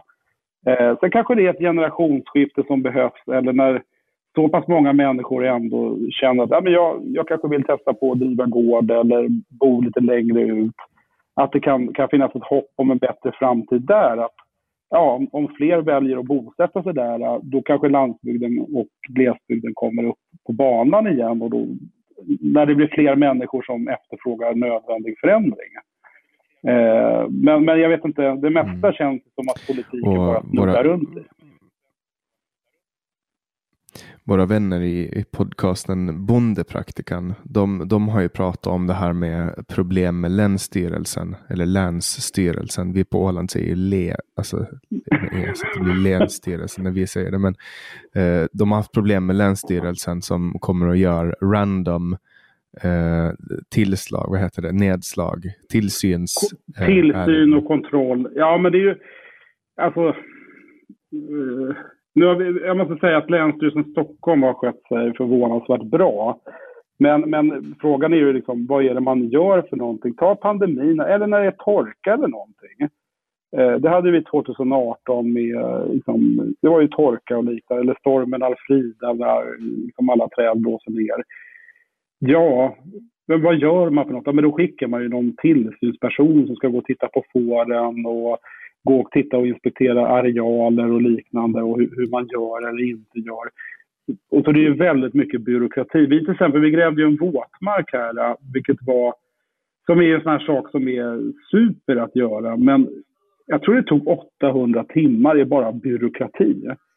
Och de här bidragen, jag skulle ju verkligen rekommendera att man inte tar dem. För det blir ju bara detaljstyrning och konstigheter och faktiskt väldigt mycket risk för den enskilde. Så jag tror man tappar ju väldigt mycket engagemang med de här bitarna. Eh, och ska man centralisera allt i Bryssel så tror jag man är på en väldigt farlig väg. Men det visar ju också med närhetsprincipen som att kommuner ska lösa det här. De kommer ju bara fokusera på sin tätort och eh, alltså att kommuner skulle lägga om det här är ju ganska osannolikt också. Så det kanske finns någon gyllene medelväg i det här. Eh, men det verkar ju finnas väldigt mycket tolkningsföreträde, det vill säga ibland spelar lagar och regler och paragrafer enormt, de får enormt mycket utrymme. Men ibland så spelar de absolut ingen roll. Så det verkar ju vara sån lite, vad, vad tjänstemannen eller tjänstehem eller otjänstemannen känner för där och då. Eller vad som är tågordningen i kommunledningen. Eller vad politikerna mumlar om för, för någonting just för tillfället. Man får ju fråga, vem är till för vem? Jag menar, varför tar man inte vara på den utvecklingspotential och den drivkraften som ändå finns hos lantbrukare och bönder, de, de vill ju väldigt ofta göra rätt för sig. Eh. Men det blir väldigt mycket krångel och många blir ju väldigt uppgivna och ja, ser nästan samhället och myndigheter som sin fiende. Mm. Ja, och sen handlar det mycket också om att ha tur med eller bli kompis med tjänstemannen i fråga som ska handlägga ärendena. Jo, men det, det är väl den modellen man valt i, Norrtälje, alltså valt i Norrtälje, det vill säga jaha, vem är det här då? Vad tycker vi om den personen och vem känner den? Och hur är den som person då? Men det är ju inte det myndighetsutövning, det är ju tyvärr lite torftigt och krasst att man ska pröva en sak. Det vill säga, ja men är det rimligt med skolskjuts liksom, eller bygglov eller vad det ska vara för någonting? Då, då, är det ju saken som ska prövas, men om man hela tiden ska blanda in vad man tycker om den här personen och massa konstiga känslor i det här, eh, då blir det ju väldigt snävt. Eh, och när det inte sen går att överpröva i en domstol eller något, eller domstolarna också börjar ha massa känslor och tycka massa saker, då, då blir det ju inte... Man, man sätter ju hela liksom spelreglerna och förutsägbart, eh, rättssäkerheten, allt är ju satt ur spel. Mm. Och vem som äger vad. Alltså, det, det, brukar ju vara bra i en demokrati att hålla reda på liksom, mitt och ditt och vårt. Eh, och jag vet inte när politikens uppgift varit att förstöra allt som är mitt ska man förstöra. Och allt som är mitt ska bli ditt eller vårt. Och det, det som är vårt, det ska man ge till någon kompis. Mm. Eh, I, liksom, här får du lite fastigheter och byggrätter. Eller här fixar vi en liten upphandling till dig så att det blir bra för dig. Eh, mm. det kanske inte var det som var uppdraget. Så jag saknar lite de här visionerna. Vad vill man egentligen? Det finns ett bra citat av Ayn Rand som jag tycker om väldigt mycket som kommer från um, The Money Speech från Atlas Shrugged. Och det är lite fritt översatt i engelska att när du behöver be om tillstånd för att producera av människor som inte producerar någonting, då kan du veta att ditt samhälle är utdömt. Ja, och det är väl en himla bra beskrivning var man befinner sig just nu. Mm. Jag, jag drar ju paralleller till när Sovjetunionen föll. Hur kommer det sig att de här åkermarkerna som inte levererade så mycket mat helt plötsligt producerade 40 gånger mer mat? Det var ju samma åkerplätt, men när Sovjet föll och den byråkratin, ja, då var åkern 40 gånger mer produktiv. Det kanske är liknande fall här i Sverige då med att eh, ja, de som inte producerar eller gör någonting har fått alldeles för mycket att säga till om. Mm. Ja, så nu får man ju EU-bidrag för en åker och sen spelar det väl inte jättestor roll om man optimerar. Man gör väl så billigt man bara kan med den åkern. Alltså, det, det finns säkert den aspekten, men jag, jag, tror väldigt många har ju en tror att det bara det, ramlar ner guldpengar från EU och massa EU-bidrag till höger och vänster. Faktum är ju att det är ju knappt det finns ju knappt någon lönsamhet ens om, man, om det skulle vara subventionerat med bidrag. Det är ju så dålig lönsamhet i det här. Och så många som har åsikter om det. Så jag tvivlar om det är ens det. Men, men man kan väl säga så här, det kan väl inte vara så farligt om självförsörjningen skulle gå upp och det fanns lite mera mjölkgårdar eller kossor eller får eller folk som odlade sina åkrar. Det vore väl en ganska bra grej. Men det tycker man ju uppenbarligen inte, utan man ger något pacificeringsbidrag eh, så att det blir minsta möjliga. Och det, det blir ju inte bra. Mm. Om du tittar på självförsörjningen i Sverige så är den eh, på väldigt låga nivåer. Mm. Ja, det är för att det finns att handla i butikerna. Ja, men det är ju inte där maten eh, framställs, utan det är ju många som ändå vill, vill ha lokalproducerat och slippa liksom att man ska fiska upp laxen i Norge, skicka den till Kina, lägga den i en burk och sen gå in i butiken och köpa den här norska laxen. Alltså hur, hur kan det vara ekonomiskt försvarbart? Men det har ju ändå blivit det nya svarta. Så jag tror, men där är det en ökad medvetenhet. Men att man, liksom, det är väl klart att lantbruk, om vi vill odla potatis så kan vi få göra det istället för att EU ska och staten ska bestämma om vi får stoppa en potät i jorden. Det, det blir lite här, det blir nästan löjligt. Eller jag kommer ihåg att jag träffade Ulf Kristersson faktiskt. Det var det var 2019 tror jag. Han pratade om hur viktigt det var med företagande och att det var bostadsbrist i Stockholm.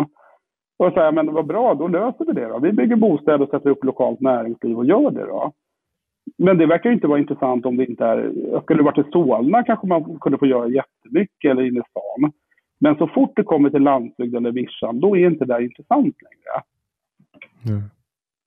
Och då är frågan, har man olika lagar och är det samma lagbok eller har man, ska det bara vara särlagstiftning och missgynnande för alla som är utanför tätort? Vad tror du att det beror på då?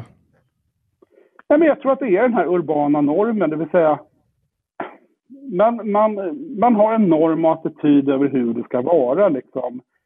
Så här är mönstermänniskan. Man bor i ett radhus eller i en förort och det är nära till jobbet och sen har man fritidshus och där spenderar man sina fem veckor som, som arbetsgivaren, det stora företaget har gett dig. Och då ska du göra så här för att vara en god människa och medborgare. Medan i praktiken nu så kanske folk efterfrågar mer frihet och kunna göra lite mer vad de själva vill och kunna bo och verka där de vill och driva företag i en annan fattning än storbolag. Om man kollar på till exempel Frankrike, där är ju bönderna, där, där mm. kräver ju bönderna sin rätt genom att åka in till stan med sina traktorer och spruta mm. gödsel på fasadväggar. Mm. Eh, mm. tror du att en sån attityd i Sverige skulle, skulle göra att politiker tog dem på mera allvar? Du vet, mera ja, det tror jag absolut. Jag, alltså, ja, men Jannik, jag tror det som gör oss lite annorlunda är att vi har ju perspektivet, vi har ju både det urbana i och med att vi har bott där, vi gillar ju det på ett sätt. Men, och så kommer man ut till vischan och ser det här. Jag är faktiskt förvånad över att de reaktionerna med protester och liknande, eller att folk ställer traktorer eller sprutar gödsel eller lämnar ruttet ensilage utanför kommunhuset. Jag skulle ju säga att det är ju en väldigt sund reaktion. Jag förstår inte att man har tystat folk så pass hårt på vischan att de inte gör sig hörda. Det, det är faktiskt, jag är förvånad. Jag tror den franska modellen är mycket mer framgångsrik. Ja, eller den, eh, den danska där de kör lastbilar in i städerna och parkerar dem mitt på gatan så att ingen kommer fram. Ja, men det tycker jag är utmärkt. Alltså mer civil olydnad och verkligen säga från till överheten att det här fungerar inte.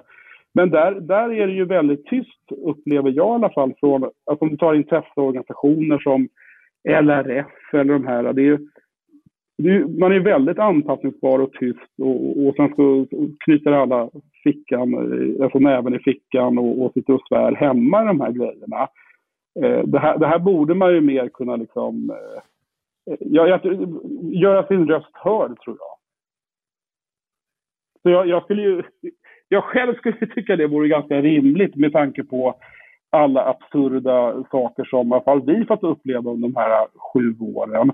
Och då kan man ju tänka sig någon som är bonde på riktigt och försöker liksom, eh, det, det är deras jobb och livnär sig på den biten. Eh, man skulle ju bli helt galen och det blir väl de flesta också, så lägger de ner verksamheten. Men det är väl bättre att göra sin röst hörd. Mm. Att skaka om lite grann. Så det, det, det, skulle jag tycka var en, eh, en bättre approach i alla fall. Har du, har du ägnat dig åt civil olydnad förutom att skicka bilder på pistoler till folk? Alltså vi har ju, vi, vi har ju faktiskt, eh, det är klart man har gjort något bus någon gång eller någonting.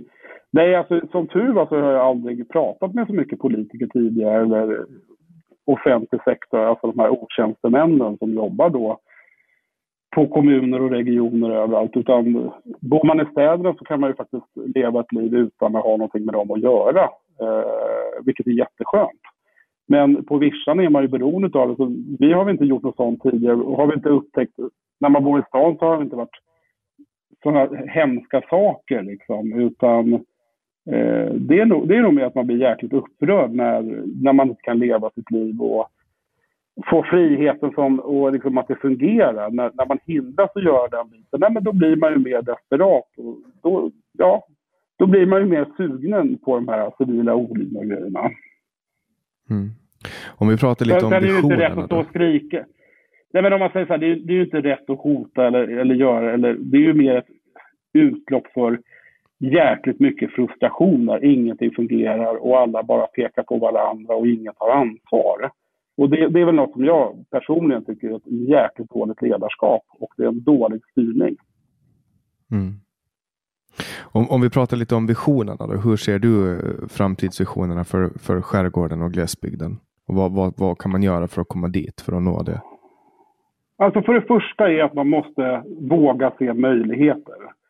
Eh, det, fin det, finns en enorm potential. Det är en fantastisk miljö att bo och verka i.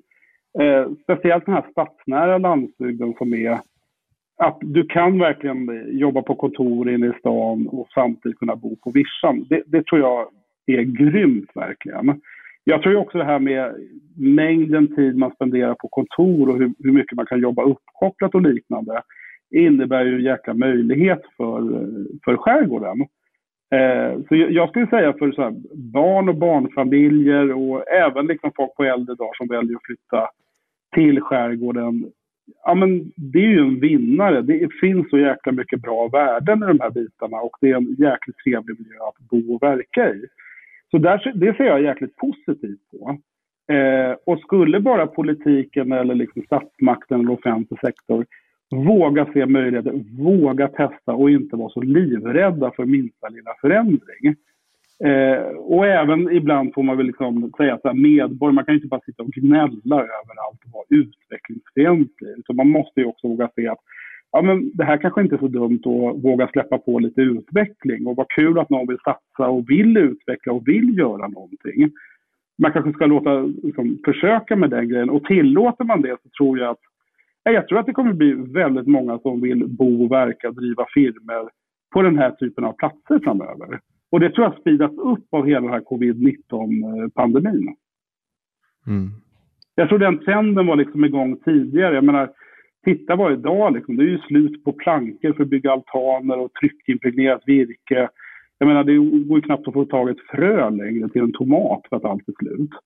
Så jag menar, uppenbarligen så, så tror jag att vi människor tycker om liksom att bruka jorden och vara med naturen och liksom göra allt det där varför inte tillåta det? Men kanske en ny tappning där det fortfarande eh, liksom, finns basal service och eh, man kan liksom, handla remote eller göra bitar. Jag tror att det här kommer gå in i någonting nytt och jag tror, jag tror personligen att det kommer bli väldigt, väldigt bra. Eh, och det vore toppen om offentlig sektor och politiken inte var sist på bollen i allt.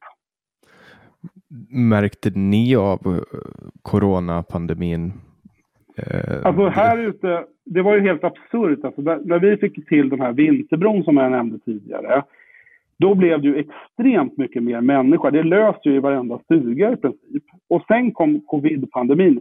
Alltså då var det ju rena rama midsommar hela året. Så det har ju varit fullt i stugorna hela tiden. Eh, så vi har ju märkt att det är mycket mera människor här. Det är fullt på parkeringarna. Eh, alltså det går ju knappt att gå ut i djurhagen så är det liksom en jäkla massa människor som, som bor här numera. Så eh, vi har ju sett att det är mycket mera människor här. Eh, och det kanske ökar på takten till förändring, det vill säga att andra, ja men fan, det kanske vore ganska nice med året runt-vatten eller uppkoppling och man kanske skulle ha fiber även på landet liksom. Det kanske inte vore helt dumt. Så vi har ju sett helt nya mönster. Det har nästan varit mindre under sommaren skulle jag säga än under vintern och under våren. Då, då var det ju så jäkla mycket människor här. Så du tycker det låter nästan lite som att du kanske tycker att den här pandemin ändå har haft sina fördelar för landsbygden? Alltså det, det är ju en hemsk grej hela den här pandemin. Det är ju vidrigt när, när pesten går.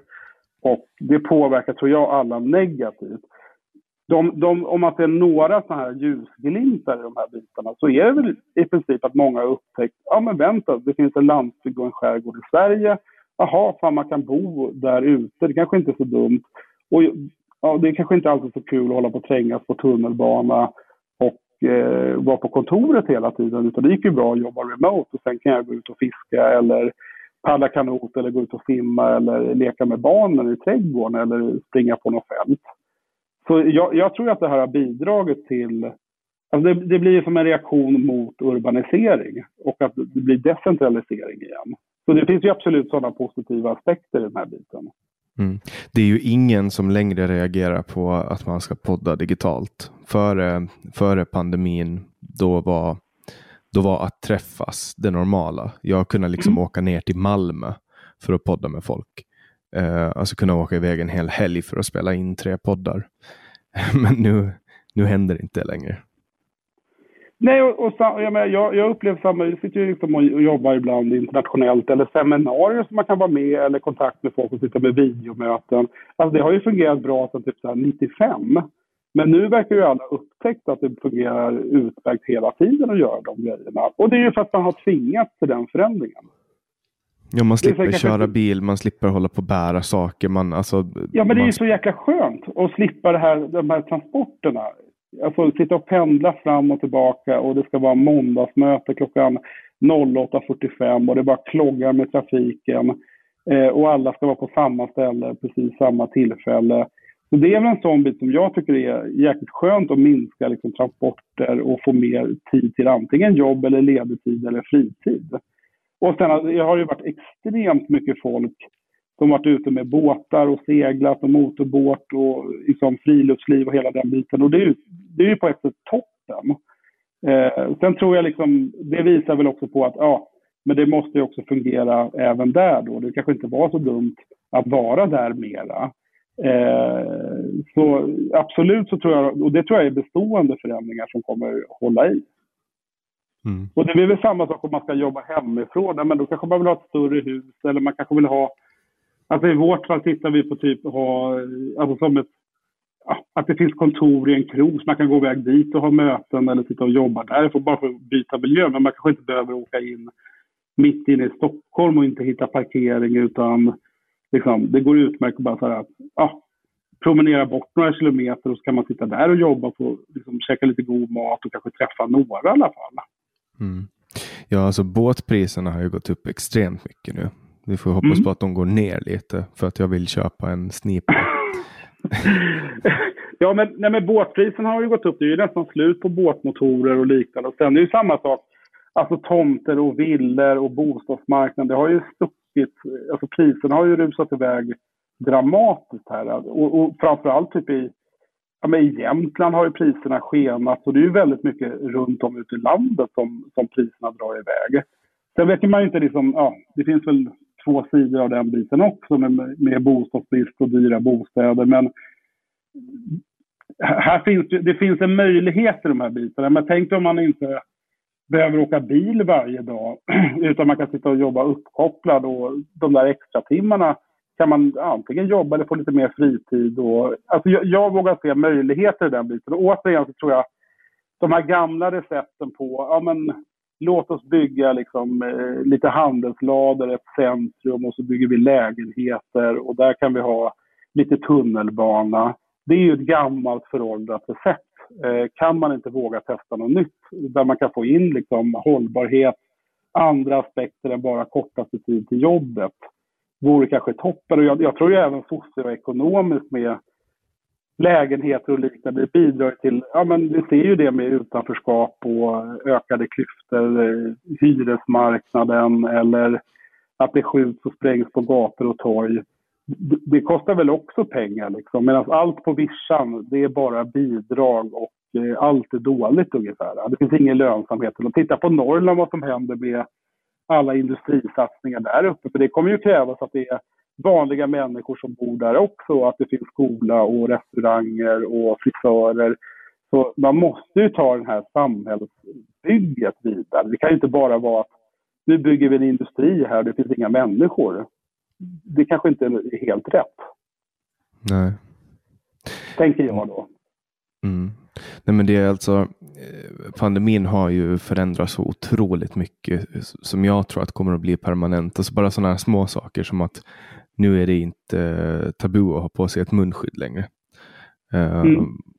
tänk hur det kan bli i framtiden när, när vanliga influensor går och folk börjar använda munskydd dagarna efter. Alltså bara sådana små grejer. och just det här också med att kunna jobba hemifrån.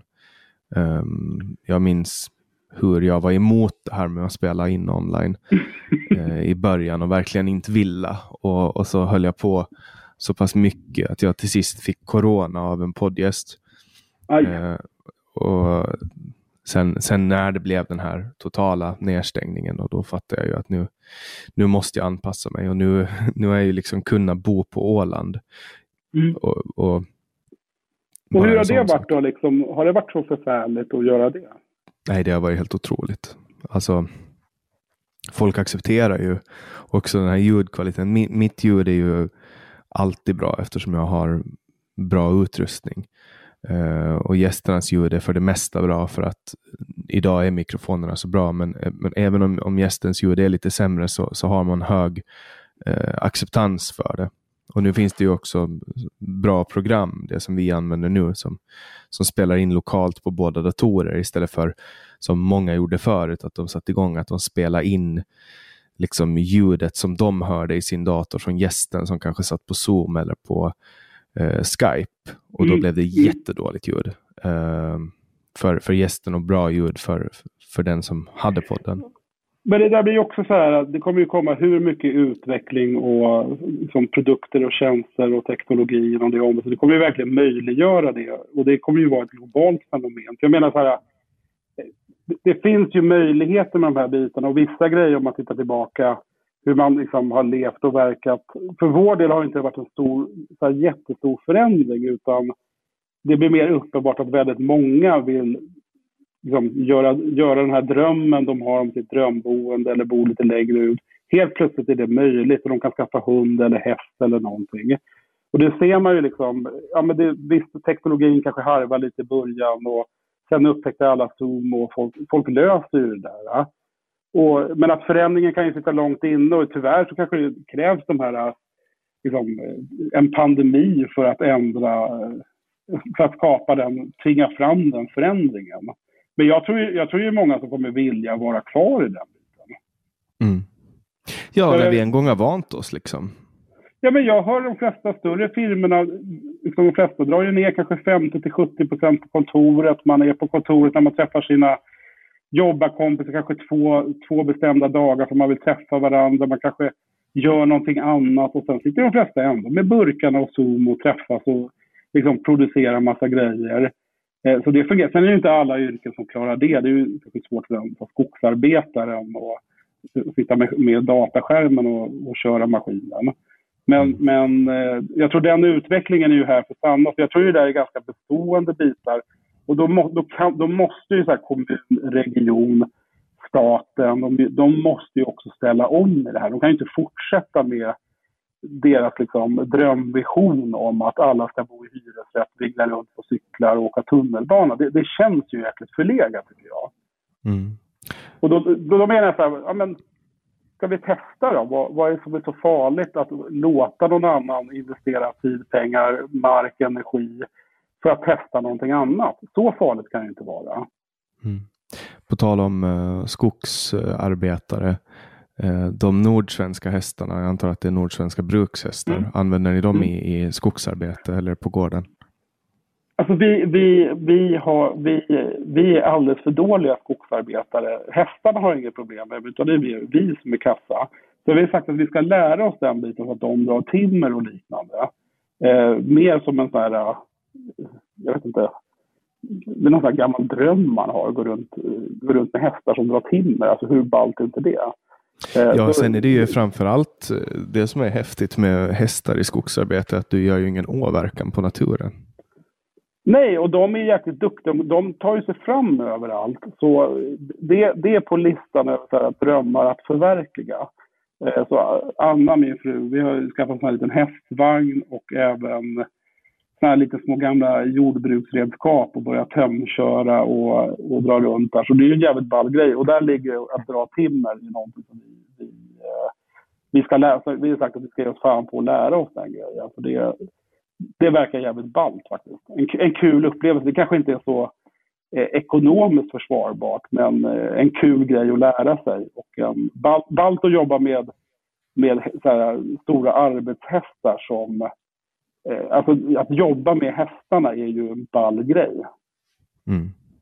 Ja, det kommer ju tillbaks nu också. Man Ja, men jag tror de här gamla grejerna kommer komma tillbaka. Eh, men det, det blir också en annan tappning. Det kanske inte är så att man så här, oh, nu ska vi göra produktionsskog och göra, utan ja, men det här är ett kul sätt att göra det på. Låt oss testa den grejen och såga lite eget timmer och göra, lite sådana grejer med hästarna. Mer ur ett kanske kultur och traditionellt sätt eh, att, att bedriva skogsarbete. Sen finns det många eh, tillfällen där, där maskiner inte tar sig fram, men där hästar tar sig fram.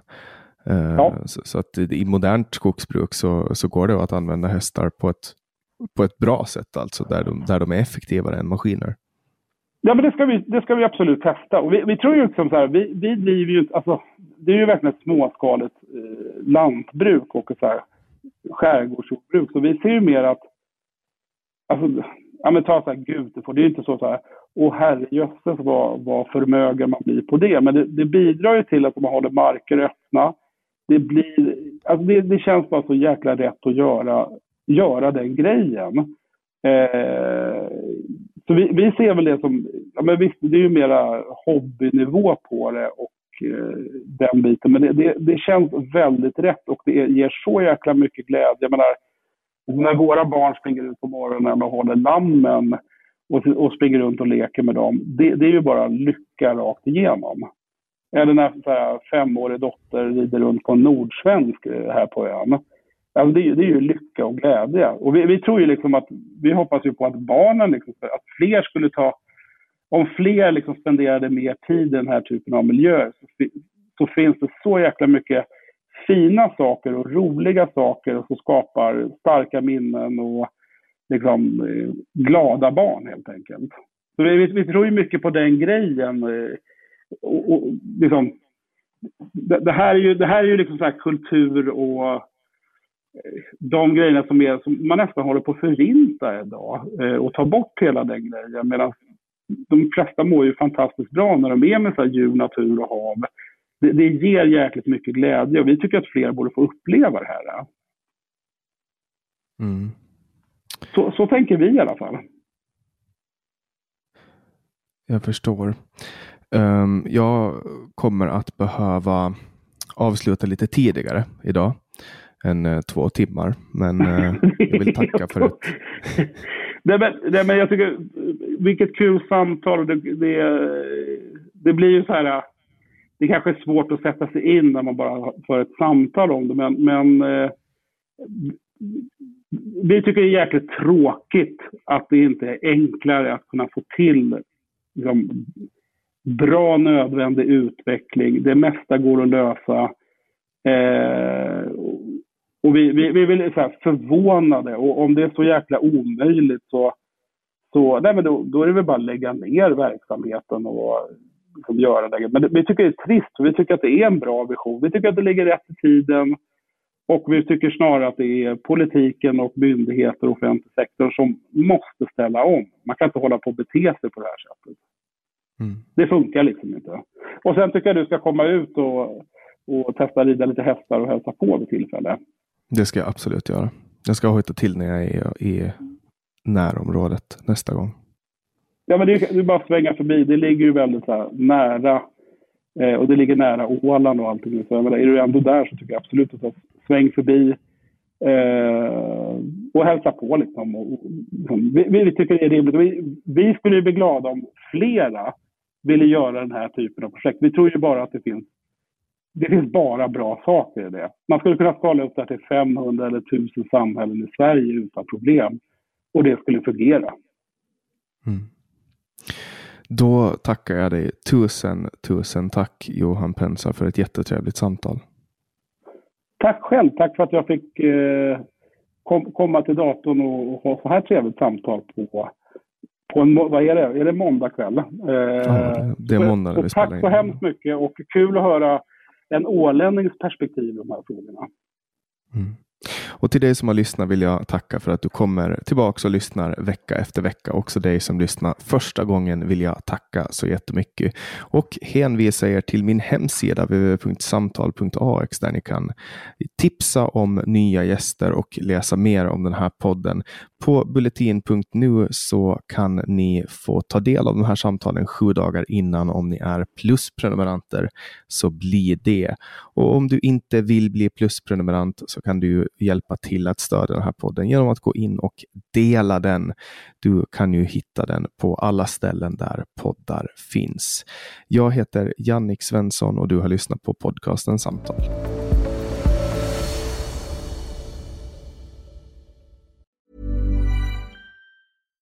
Hi, I'm Daniel, founder of Pretty Litter. Cats and cat owners deserve better than any old fashioned litter. That's why I teamed up with scientists and veterinarians to create Pretty Litter. Its innovative crystal formula has superior odor control and weighs up to 80% less than clay litter. Pretty Litter even monitors health by changing colors to help detect early signs of potential illness. It's the world's smartest kitty litter. Go to prettylitter.com and use code ACAST for 20% off your first order and a free cat toy. Terms and conditions apply. See site for details. Planning for your next trip? Elevate your travel style with Quince. Quince has all the jet setting essentials you'll want for your next getaway, like European linen, premium luggage options, buttery soft Italian leather bags, and so much more. And is all priced at 50 to 80% less than similar brands. Plus, Quince only works with factories that use safe and ethical manufacturing practices. Pack your bags with high-quality essentials you'll be wearing for vacations to come with Quince. Go to quince.com slash pack for free shipping and 365-day returns. Hey, it's Paige DeSorbo from Giggly Squad. High quality fashion without the price tag. Say hello to Quince. I'm snagging high-end essentials like cozy cashmere sweaters, sleek leather jackets, fine jewelry, and so much more. With Quince being 50 to 80% less than similar brands. And they partner with factories that prioritize safe, ethical, and responsible manufacturing. I love that. Luxury quality within reach. Go to quince.com slash style to get free shipping and 365 day returns on your next order. Quince.com slash style.